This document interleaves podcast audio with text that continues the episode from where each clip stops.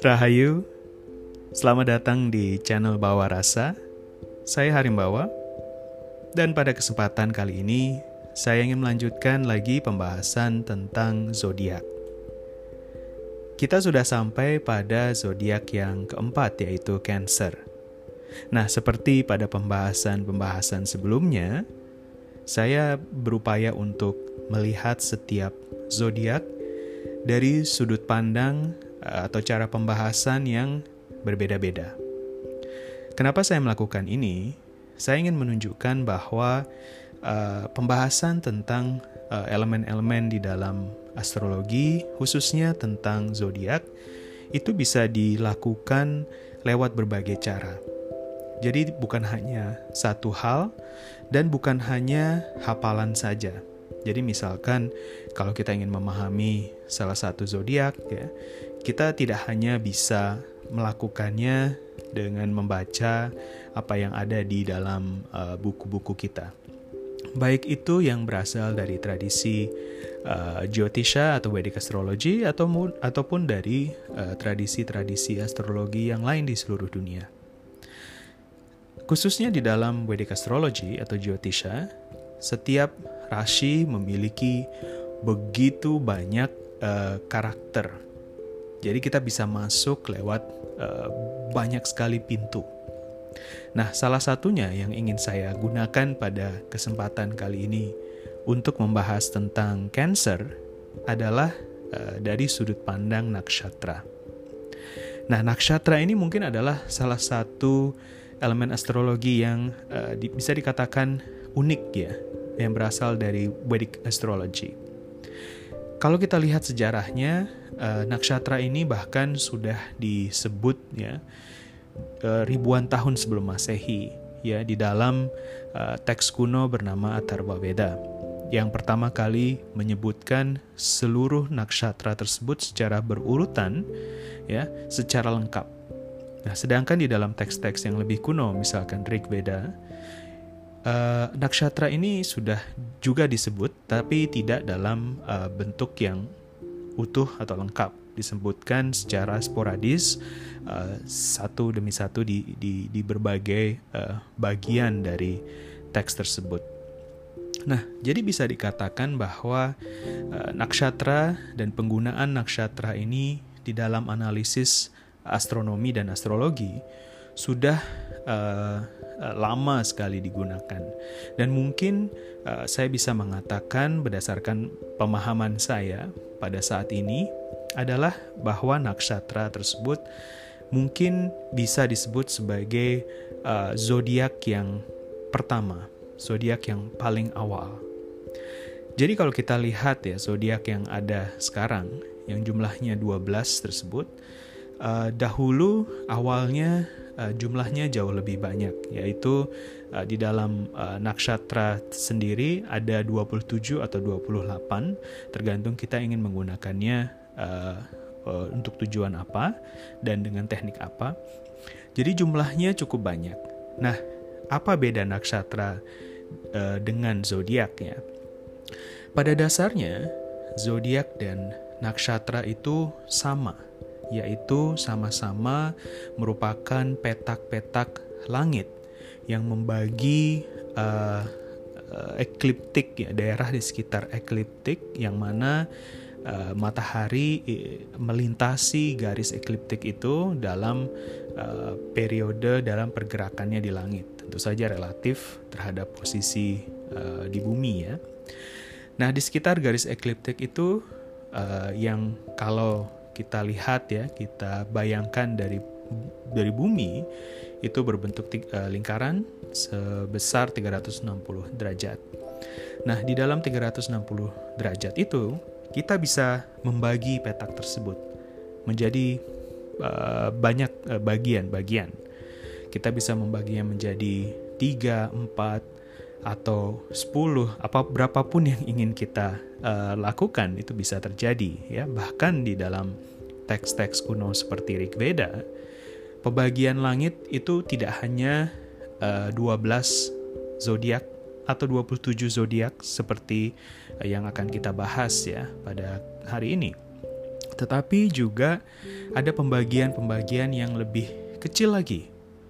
Rigveda ya mengatakan bahwa uh, langit itu juga bisa dibagi uh, menjadi 360 bagian. Nah, ini adalah sal uh, salah satu uh, bukti bahwa 360 itu angka 360 yang kita pakai sekarang jadi 360 derajat itu sudah dipakai uh, cukup lama. Bahkan sudah ada di dalam teks Rigveda yang merupakan teks umat manusia yang paling tua di dunia. Yang masih survive hingga sekarang dan masih hidup, masih digunakan ya. Sedangkan uh, peradaban-peradaban lain yang hidup pada zaman yang sama sekarang sudah tinggal uh, puing-puingnya saja, jadi tidak secara utuh uh, terwariskan. Sedangkan Veda, Rig Veda masih kita pakai, uh, terutama di, dirawat dan dipelihara oleh uh, umat Hindu di seluruh dunia hingga saat ini. 360 lalu juga ada pembagian yang lebih kecil lagi bahkan yaitu 720 bagian atau setengah derajat atau 30 uh, menit uh, arc arc minutes ya. Nah, kalau kita uh, lihat pembagian-pembagian tersebut, tujuan dari pembagian-pembagian itu adalah untuk uh, seperti yang saya sudah jelaskan sebelumnya ya dalam episode se sebelumnya bahwa pembagian-pembagian tersebut ibaratnya seperti uh, guratan-guratan atau garis-garis yang ada di pinggiran dari jam dinding kita ya kalau kita punya jam dinding analog ya.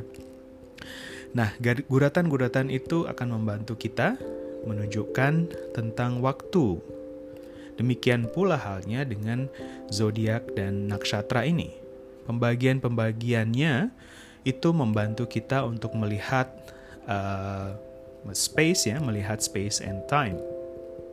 Nah, dalam uh, pembagian tentang nakshatra ini, fokus utamanya atau dasar dari pembagiannya adalah gerakan dari bulan.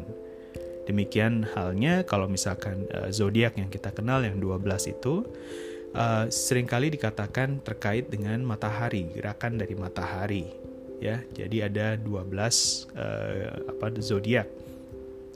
Sebenarnya bukan hanya matahari saja tetapi juga bulan. Jadi dalam satu periode revolusi bumi, satu tahun 365 plus hari, kita eh, rata-rata uh, akan melihat uh, 12 zodiak atau 12 bulan purnama atau bulan mati yang terjadi pada masing-masing 12 zodiak tersebut.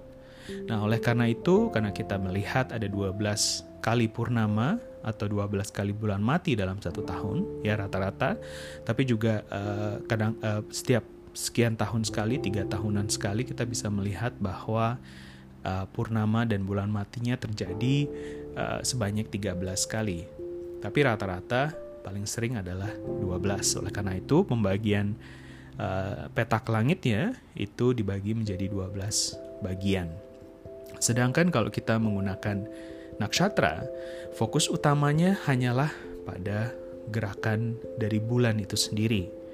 Karena bulan menyelesaikan uh, satu periode revolusinya itu adalah sekitar 27 sekian hari ya. Jadi masing-masing hari tersebut uh, diwakili oleh satu nakshatra. Nah, uh, setiap nakshatra sama dengan juga setiap zodiak juga akan memiliki sifat-sifat uh, harmonik, sifat-sifat yang berulang ya, sifat-sifat dasar building blocks yang uh, sama atau juga ada yang uh, bersifat tambahan yang berbeda dengan zodiak. Nah, kita kembali kepada pembahasan hari ini yaitu uh, rasi Cancer. Nah, di dalam setiap satu zodiak ya, yang 12 zodiak tadi, itu terdapat uh, dua plus ya. Jadi dua uh, nakshatra plus satu. Atau lebih akuratnya adalah di dalam satu zodiak terdapat uh, sembilan pada atau sembilan kaki-kaki dari nakshatra. Dan satu nakshatra memiliki empat kaki, seperti seekor lembu memiliki empat kaki. Setiap nakshatra punya empat kaki. Nah, kalau begitu, di dalam satu zodiak itu rata-rata ya memiliki dua nakshatra plus satu. Nah, di dalam Cancer ini, bagian pertama atau pada pertama di dalam rasi Cancer adalah uh, nakshatra atau pada keempat dari nakshatra bernama Punarwasu lalu disusul dengan empat full pada ya uh, full nakshatra dari uh, Pushya dan yang terakhir adalah uh, full empat atau satu nakshatra dari Ashlesha.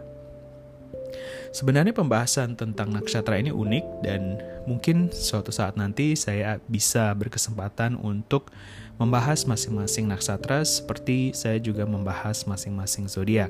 Tapi untuk saat ini kita fokus dulu ke uh, zodiak, terutama Cancer, yang adalah pembahasan kita pada episode kali ini. Nah, saya ingin uh, sekedar menunjukkan ya bahwa ketika kita melihat atau membahas suatu zodiak, kita juga bisa melihat dari unsur uh, unsur-unsur pembangunnya yang lebih kecil yaitu nakshatra. Nah, saya ingin bacakan sedikit tentang uh, Punarwasu. Saya tidak akan terlalu mendetail ya, saya hanya ingin memberikan gambaran saja. Nah, uh, rasi Cancer ini sifat-sifatnya pasti juga akan diwarnai oleh uh, naksatra-naksatra yang membangunnya, ya yang ada di dalam uh, Cancer itu sendiri. Nah, Punarwasu adalah naksatra yang mungkin hanya sebenarnya hanya seperempat bagiannya saja ya yang ada di Cancer dan itu ada di bagian awal dari Cancer. Jadi uh, seseorang yang lahir dengan Cancer yang dominan misalnya itu kita masih bisa uh, mencoba untuk masuk lebih dalam lagi di bagian mana yang dominannya di dalam cancer itu yang bisa apa mengubah ya memodifikasi sifat dari orang tersebut. Nah, yang pertama adalah punarwasu. Punarwasu ini, uh, oke, okay, sebelum itu saya ingin uh, menjelaskan sedikit bahwa setiap nakshatra dia memiliki dewata masing-masing, lalu memiliki shakti atau memiliki kemampuan, kekuasaan, kekuatannya sendiri Kemudian ada yang disebut sebagai basis above and basis below. Ini adalah indikator-indikator yang ter, uh, yang disebutkan di dalam teks-teks kuno uh, Weda, terutama adalah Taittiriya Brahmana. Kemudian di situ juga ada desire. Jadi setiap nakshatra punya uh, desire-nya masing-masing. Oke, jadi saya akan membahas tentang itu. Itu saja lima, uh, lima hal ya dari dari masing-masing nakshatra yang ada di dalam Cancer. Juga uh, beberapa uh, apa namanya kata kunci yang terkait dengan masing-masing um, nakshatra tersebut. Nah, yang pertama adalah Punarwasu. Punarwasu itu dewatanya adalah Aditi. Aditi itu the mother of gods. Jadi di dalam mitologi uh, di dalam legenda uh, Hindu terdapat kisah tentang uh, para dewa dan raksasa ya. Dan uh, ibu dari para dewa ini adalah uh, Aditi. Nah, semuanya ini sebenarnya adalah simbol-simbol perlambang uh, sebenarnya adalah ajaran-ajaran yang dibuat dalam bentuk cerita dan kisah sehingga bisa lebih menarik dan bisa diwariskan dari satu generasi ke generasi lebih mudah.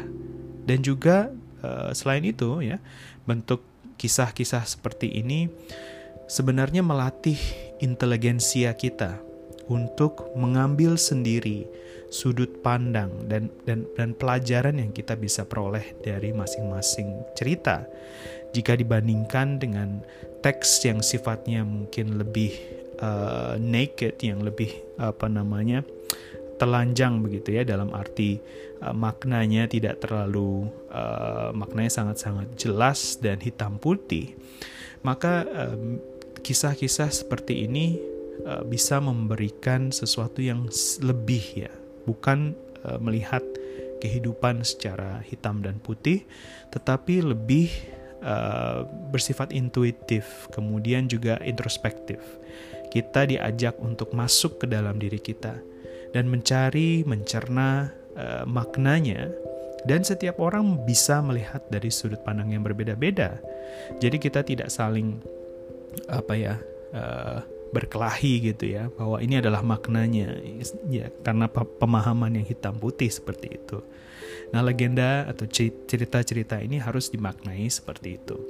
Nah, yang menarik adalah Aditi itu uh, makna dari namanya adalah uh, ia yang tidak terbelah, ia yang tidak terbagi-bagi, dia yang utuh, holistik. Nah, itu juga adalah sifat-sifat dari para dewa. Mereka selalu berupaya untuk uh, menyelamatkan uh, alam raya ini dibandingkan dengan raksasa yang sifatnya cenderung egoistis, yang hanya mementingkan dirinya sendiri dan tidak memperdulikan orang-orang lain. Mereka akan memaksimalkan kesenangan dirinya sendiri. Mereka tidak peduli dengan uh, kerusakan alam dan lain sebagainya. Para dewa berbeda.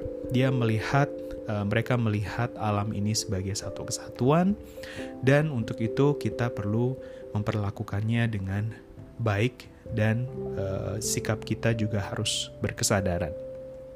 Oke, okay? Aditi uh, adalah ibu para dewa. Kemudian Shaktinya adalah Vatswa Prapana Shakti, power to give substance to things. Basis above air, basis below moisture desire to produce trees and herbs. Bagian pertama dari Cancer terkait erat dengan uh, pertumbuhan, dengan perkembangan, dengan uh, apa ya?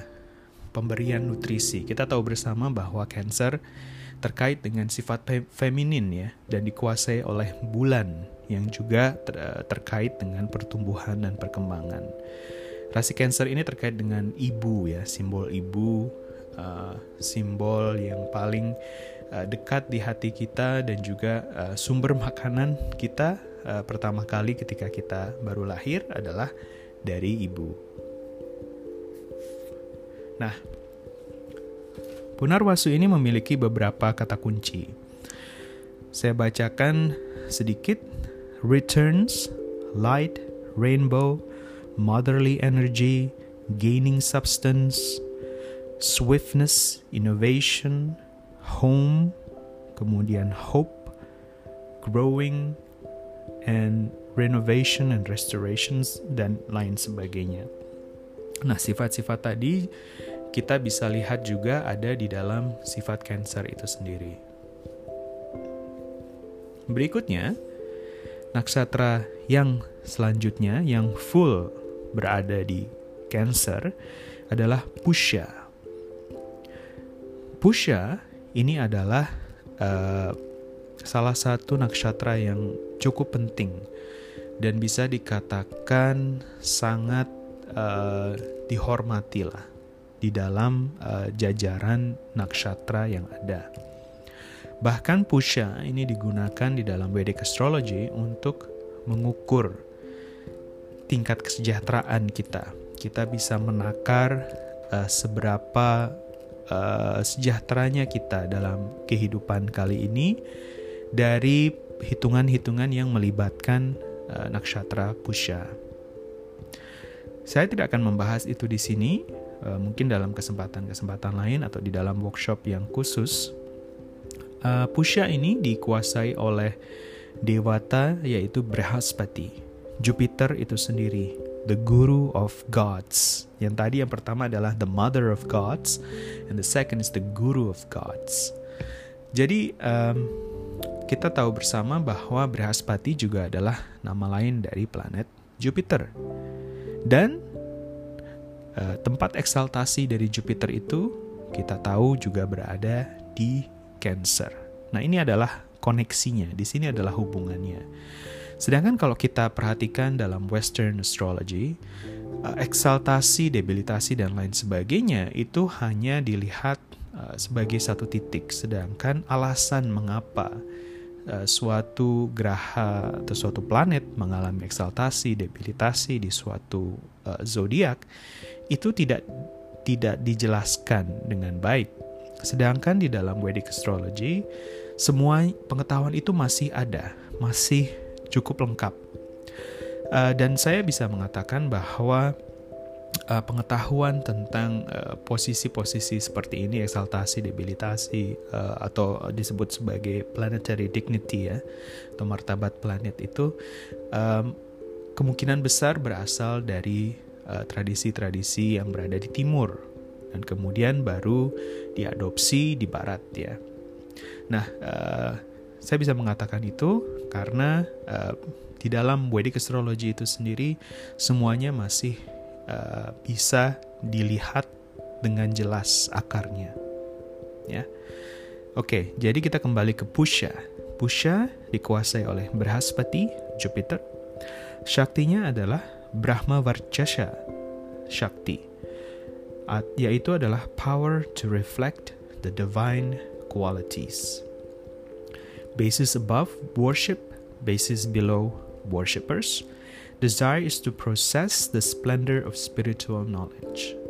Jadi bagian kedua ya dari uh, Cancer ini yaitu Pushya Nakshatra itu sangat erat hubungannya dengan koneksi kita terhadap uh, sesuatu yang sifatnya spiritual, yang lebih agung, yang tinggi, juga yang hening dan uh, menginspirasi kita karena dia terkait dengan worship, persembahan, kemudian rasa bakti tentu saja. Karena setiap bentuk persembahan itu pada dasarnya harus e, dilandasi oleh cinta kasih, bukan rasa takut. Ya, ini mungkin adalah perbedaan dari cara pandang timur dan barat ya. Kalau di barat kita harus uh, apa ya takut terhadap uh, yang di atas, sedangkan di timur hubungannya uh, lebih kepada cinta kasih. Ya. Worship and worshippers itu adalah uh, dua basis dari Pusya Nakshatra. Nah, kemudian saya bacakan sedikit dari kata-kata kunci yang terkait dengan Pusya.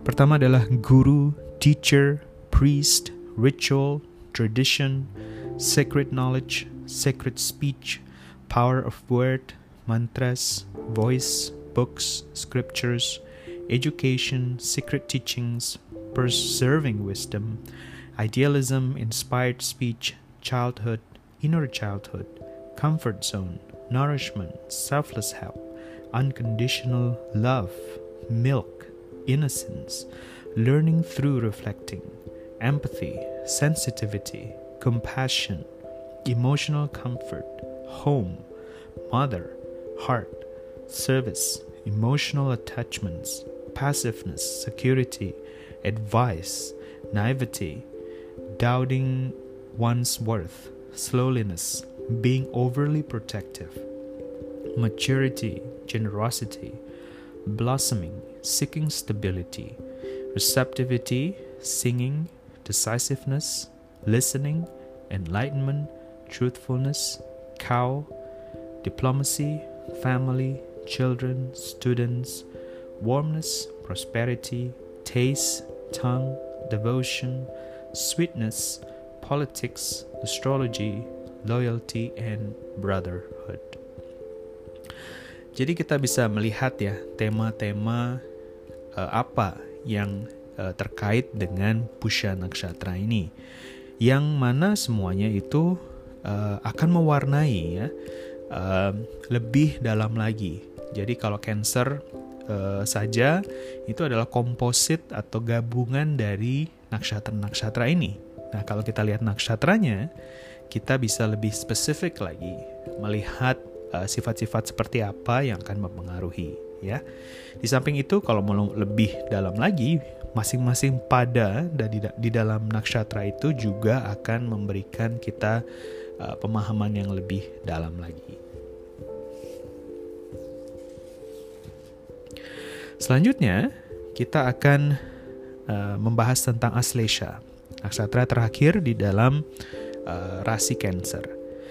Nah, Ashlesha ini dikuasai oleh uh, naga. Dewatanya adalah naga atau divine serpents. Nah, naga atau ular naga ini adalah makhluk yang apa ya sangat sensitif uh, kulitnya. Mereka bisa merasakan getaran ya uh, yang uh, di tanah gitu ya. Kemudian untuk mendeteksi di mana musuhnya atau mungkin juga uh, apa namanya bahaya dan lain sebagainya. Sekujur tubuhnya itu sangat sensitif. Jadi bagian yang ketiga ini, bagian terakhir ya, empat pada terakhir di dalam cancer itu sangat amat uh, sensitif dibandingkan dengan uh, zodiak zodiak yang lain karena dia memang sangat erat kaitannya dengan uh, tadi ya dengan naga. Ini tentu saja agak sedikit berbeda dengan bagian yang tengah tadi Pusha yang sifatnya lebih nurturing, lebih motherly, forgiving. Aslesha ini dia hampir kebalikannya. Dia sangat-sangat uh, pendendam. Dia sangat-sangat apa ya? Dia bahkan beracun ya karena naga ular itu ada yang beracun gitu ya. Jadi bagian ini itu lebih istilahnya lebih lebih agak lebih dark begitu ya. Tapi tentu saja tidak semuanya ya. Tapi dia ada punya kecenderungan yang lebih uh, apa ya, lebih lebih tajam dan lebih berbahaya daripada uh, bagian lain dari cancer ini sendiri. Jadi kita bisa lihat ya betapa kalau kita memahami setiap nakshatra itu zodiak itu punya uh, warna-warninya yang uh, berbeda-beda. Jadi tidak 100% sama ya sepanjang 30 derajat zodiak tersebut. Shaktinya adalah Wishashleshana Shakti, power to embrace the poison. Nah, bagian dari Cancer ini deals a lot with uh, apa ya uh, sisi-sisi uh, gelap kehidupan, di mana kita uh, mendapatkan atau menyimpan sekian banyak uh, racun problems dan penyakit yang coba kita proses sebenarnya. Ya. Jadi bagi ular itu sendiri racun yang ada di dalam dirinya tidak berbahaya, bahkan bisa menyelamatkan nyawanya. Tapi bagi orang uh, lain yang uh, orang yang di luar itu, makhluk yang di luar uh, ular itu, racun tersebut bisa sangat berbahaya, ya. Oleh karena itu um, kita mencoba untuk menghindari kalau ada ular gitu ya. Karena kalau tergigit kita bisa uh, teracuni oleh uh, bisanya dan uh, kita akan butuh uh, apa sih namanya anti uh, antidotnya itu yang juga didevelop dari uh, bisa yang sama kan. Jadi bisa yang sama itu bisa membunuh, bisa juga uh, menyembuhkan. Oke. Okay? Kemudian basis above-nya adalah approaching, basis below-nya dancing trembling, desire to overcome enemies. Bagian cancer yang terakhir ini dia lebih uh, apa ya? sifatnya defensif dibandingkan dengan bagian yang lain. Karena tentu saja kalau kita uh, mengendapkan atau mengumpulkan banyak problem dalam kehidupan sering kali kita ujung-ujungnya uh, apa ya menjadi defensif sensitif dan kemudian juga uh, mungkin have to deal a lot with uh, pemaafan ya tema-tema seperti itu dalam kehidupan. Oke. Okay? Nah, kita bacakan keywordsnya. Flexibility, transformation, changing skin, kundalini shakti, dancing, trembling, poisons, medicine, swallowing, uh, swallowing poison, homeopathy. Jadi tadi ada healingnya juga ada. Magnetism, sensing vibrations, spiral movements, insomnia, eye issues, power of speech, sacred mantras, vulnerability, fearlessness, shame and humiliation, feeling outcast, unique talents, social anxiety, don't believe in good in people, clinging, attachment and detachment, clockwise and anti-clockwise, entangling and untangling. Jadi ular itu kan sering membelit ya, melilit kita. Jadi untuk melemahkan kita atau untuk melindungi dirinya sendiri ya. Kebelitannya itu terkait erat dengan attachment kita. Ketika kita terlalu attach dengan problem kita, nah ini sering kali terjadi yaitu kita tidak hanya attach dengan hal-hal yang baik, yang bagus, yang yang mulia gitu ya, tetapi juga kita uh, problem kita adalah kita sering kali attach ya, terikat dengan hal-hal yang sifatnya negatif juga seperti trauma kita. Dan kita akan menganggap bahwa itu adalah diri kita sendiri dan kita enggan untuk melepaskan uh, trauma tersebut dan menganggap bahwa itu adalah identitasku, itu adalah aku, sehingga healing itu akan sulit terjadi. Sedangkan kalau kita memberikan jarak terhadap problem kita, masalah itu akan lebih mudah diatasi. Saya lanjutkan. Illusion of the mind, environmental concerns, strategic mind, waiting for the right moment to attack, vengeance, striking at the heart of an enemy, loves to embrace, emotional attachments, loves nature more than humans. Jadi dia sangat uh, lebih menyukai alam, lebih menyukai uh, non-human contact ya biasanya. Lots of makeup or no makeup, wants to change the world, nails, hates small talk, interest in deep and dark subject, occult sciences, alchemy and chemistry, chem- chemotherapy, words are their only protection, living away from home, living in houses of ants. Nah, ini terkait dengan uh, tadi ya living uh, away from home. Di dalam Vedic astrology, uh, Cancer ini dia terkait dengan uh, merantau, pergi jauh ya seperti itu. Living in hum- humiliating places, feeling of purpose, powerful intuition, extracting soma by pressuring, social pressure, uh, pressure, natural introvert, introvert, dangerous when transforming, addictions, healing herbs, hypnotic eyes, attack without provocation, protective nature, keep always alert and vigilant, dis- distancing language, exploitation and abuse, environmental concerns, object, objectifying sex, and recycling.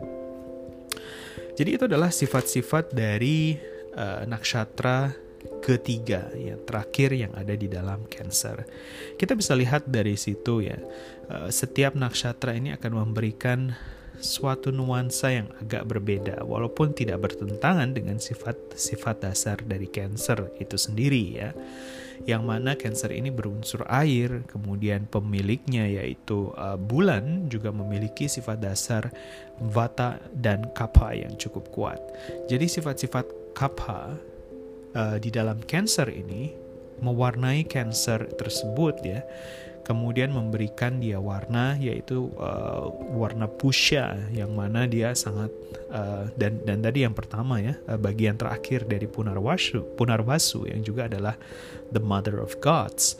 Jadi di situ uh, Cancer akan lebih uh, cenderung lebih uh, extrovert dalam their expressions dan ekspresinya uh, selalu melibatkan uh, apa ya nurturing atau taking care of someone else dan dia lebih selfless sifatnya uh, dia ingin membantu. Nah, sedangkan di bagian uh, belakang dari cancer ini dia cenderung lebih uh, kapa yang lebih gelap sifatnya. Uh, kapa yang sangat terikat dengan uh, segala sesuatu, baik itu hal-hal baik dalam hidupnya maupun hal-hal uh, yang traumatis dalam hidupnya. Semuanya dia sangat terikat. Kemudian dia mengumpulkan ya hoarding ya. Ini bisa sangat hoarding. Dia mengumpulkan banyak hal termasuk mengumpulkan racun itu sendiri yang mana kemudian suatu saat akan digunakan untuk menyakiti orang lain karena dia berpikir bahwa itu adalah cara untuk uh, impas ya tapi sebenarnya di dalam perspektif Vedic ya uh, balas dendam seperti itu sebenarnya hanya akan memperpanjang urusan karma kita dengan orang tersebut. Nah, bagian terakhir dari Cancer ini cenderung lebih uh, seperti itu tadi. Nah, Mungkin pembahasannya cukup sampai di sini terlebih dahulu. Nanti kita akan bahas ya yang lain-lain yang lebih detail lagi. Dan bagi kawan-kawan yang tertarik dengan astrologi, khususnya Vedic Astrology, silahkan uh, follow, subscribe channel ini. Uh, bisa dilihat channel ini ada di pod apa namanya di podcastnya Spotify atau Google Podcast atau di Anchor.fm silahkan uh, memilih dari mana saja. Uh, silahkan subscribe dan dengarkan uh, serial atau episode-episode selanjutnya yang akan saya uh, buat. Mudah-mudahan bisa uh, saya rilis setiap minggu. Dan uh, kalau ada yang ingin ditanyakan didiskusikan, silahkan uh, kontak di akun-akun uh, sosial media saya, yaitu Instagram dan Twitter, dengan nama @divyabhasa, D I V Y A B H A S A, baik di Instagram maupun di Twitter. Oke, sekian dulu. Terima kasih sudah uh, berkenan mendengarkan penjelasan saya, uh, dan kita ketemu lagi di episode-episode selanjutnya. Tetap sehat, sampai ketemu. Bye-bye.